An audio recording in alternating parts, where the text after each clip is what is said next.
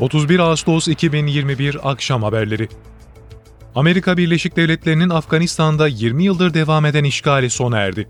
Amerika Birleşik Devletleri Merkez Kuvvetler Komutanı Orgeneral Kenneth McKenzie, ülkesinin Afganistan'dan çekilme sürecinin tamamlandığını açıkladı. McKenzie, ülkede kalan son insanlı uçakların Afganistan'dan ayrıldığını duyurdu. Son Amerika askeri birliklerinin taşıyan uçakların da Hamid Karzai Uluslararası Havalimanı'ndan ayrılmasının ardından başkent Kabil'de kutlamalar yapıldığı gözlendi. Öte yandan Amerika Birleşik Devletleri Dışişleri Bakanı Antony Blinken, bugünden itibaren Kabil'deki diplomatik varlıklarını askıya aldıklarını ve faaliyetlerini Katar'ın başkenti Daho'ya taşıdıklarını duyurdu.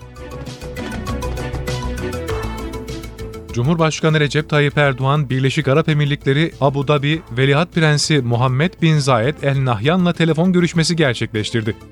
Cumhurbaşkanlığı İletişim Başkanlığı'ndan yapılan açıklamaya göre görüşmede iki ülke ilişkileri ve bölgesel konular ele alındı. Birleşik Arap Emirlikleri resmi ajansında yer alan açıklamada da Cumhurbaşkanı Erdoğan'la Veliaht Prens Nahyan'ın görüşmesinde ikili ilişkilerin güçlendirilmesinin ele alındıkları belirtildi. Manisa'nın Akhisar ilçesine bağlı Bünyan Osmaniye mahallesinde ağaçlık alanda orman yangını çıktı. Alevler rüzgarın etkisiyle kısa sürede yayıldı. Çıkış nedeni henüz belirlenemeyen yangın için bölgeye 3 helikopter, 12 arazöz, 4 su tankeri, 3 dozer sevk edildi. Alevlere havadan ve karadan müdahale sürüyor. AFAD, bugün saat 14'te merkez üssü Kütahya'nın Altıntaş ilçesi olan 5 büyüklüğünde deprem meydana geldiğini açıkladı. Deprem yerin 7.16 kilometre derinliğinde meydana geldi. Milli Savunma Bakanlığı Barış Pınarı bölgesine saldırı girişiminde bulunan 4 PKK-YPG'li teröristin etkisiz hale getirildiğini duyurdu.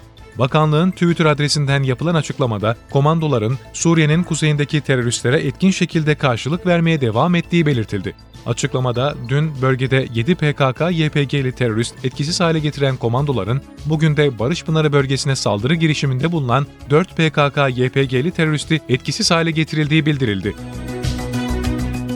2021 Yükseköğretim Kurumları sınav tercih sonuçları açıklandı. Sonuçlara ÖSYM'nin sonuç.osym.gov.tr adresinden ulaşılabilecek. ÖSYM Başkanı Profesör Doktor Halis Aygün, 2021 YKS'de tercih yapan adayların %85.80'inin yükseköğretim programlarına yerleştiğini bildirdi.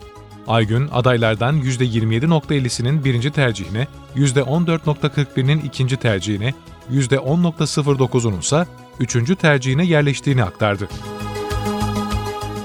Irak Savunma Bakanı Cuma İnat, Türkiye'nin ilk milli ve özgün silahlı insansız hava aracı Bayraktar TB2, T-129 atak helikopter ve gelişmiş silahlardan satın almak istediklerini söyledi.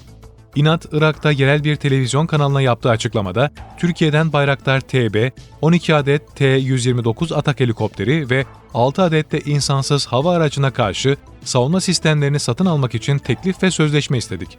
Bayraktar SİHA alımı konusunda uzlaşmaya vardık ifadesini kullandı.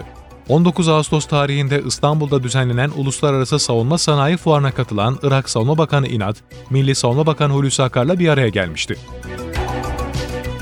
Türkiye ekonomisinin bu yıl ikinci çeyreğe ilişkin büyüme rakamları yarın duyurulacak. Türkiye İstatistik Kurumu, Nisan-Haziran 2021 dönemini kapsayan gayri safi yurt içi hasıla verilerini yarın saat 10'da internet sitesinden açıklayacak.